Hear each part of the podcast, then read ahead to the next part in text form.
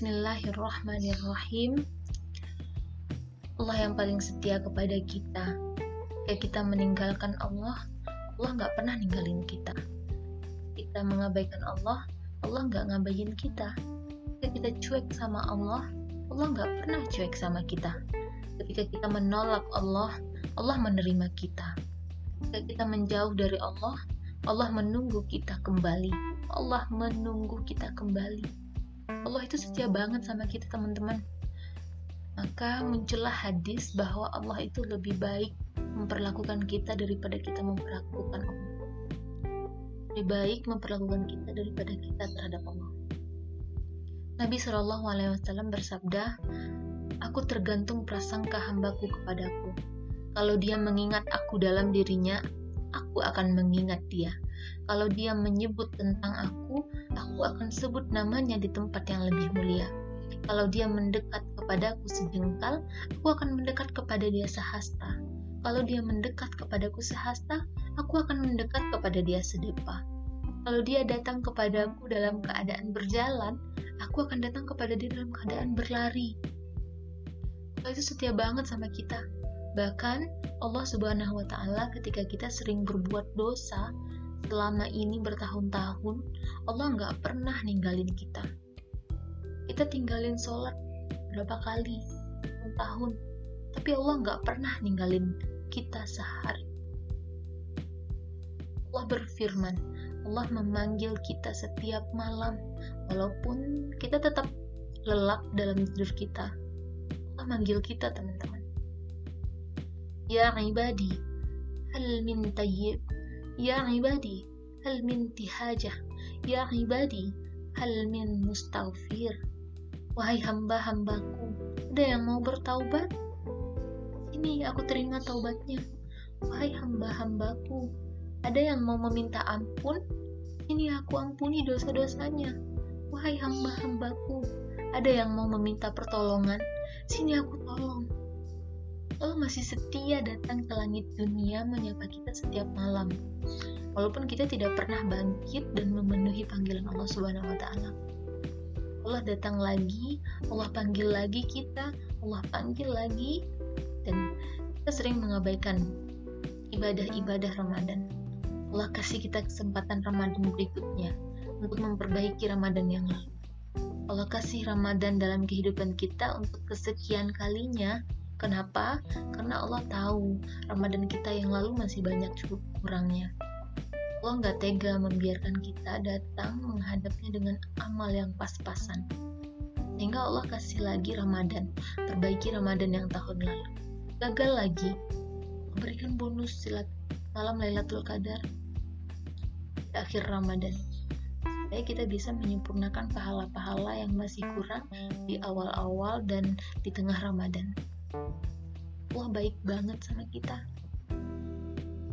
Ketika kita berbuat dosa, siang dan malam bertahun-tahun, lalu tiba-tiba kita sadar karena kita terjebak dalam kesusahan hidup karena efek dari dosa-dosa kita.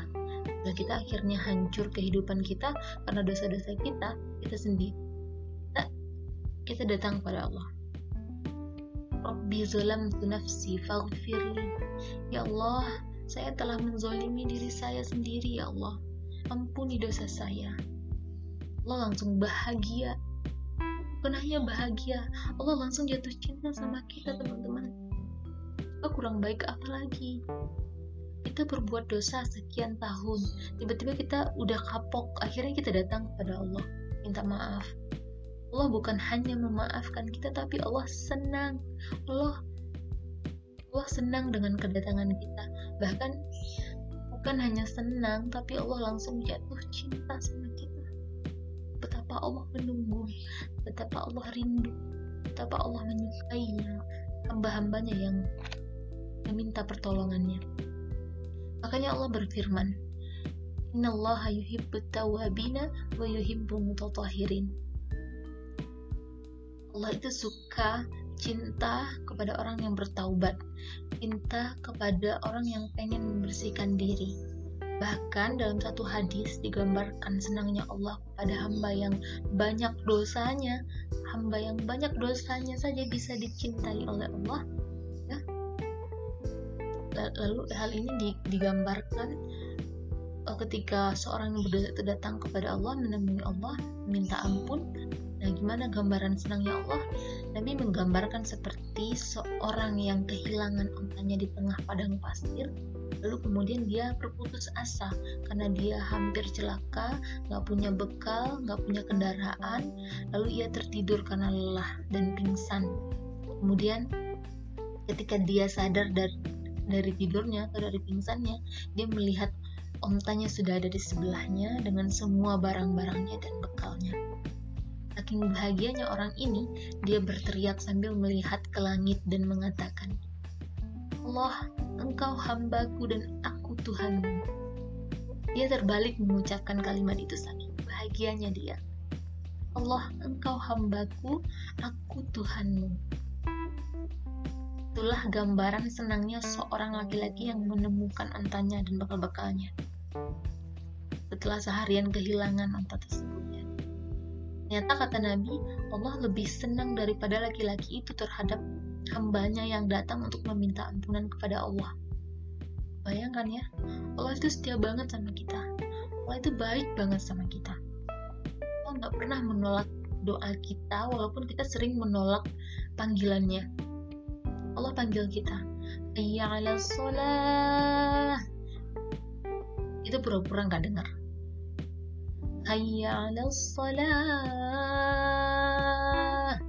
Kita pura-pura sibuk. Tapi begitu kita butuh kita punya masalah ya Allah ya Allah. Doa pada Allah Allah berikan permintaan kita. Allah berikan hajat-hajat kita. Allah nggak nolak kita meskipun selama ini kita nolak permintaan Allah. Kurang baik apa coba Makanya, jangan sia-siakan kebaikan Allah. Jangan sampai kita rugi karena Allah yang maha baik kita abaikan. Karena Allah yang memberikan kita banyak kesempatan, tapi kita melewatkan kesempatan itu.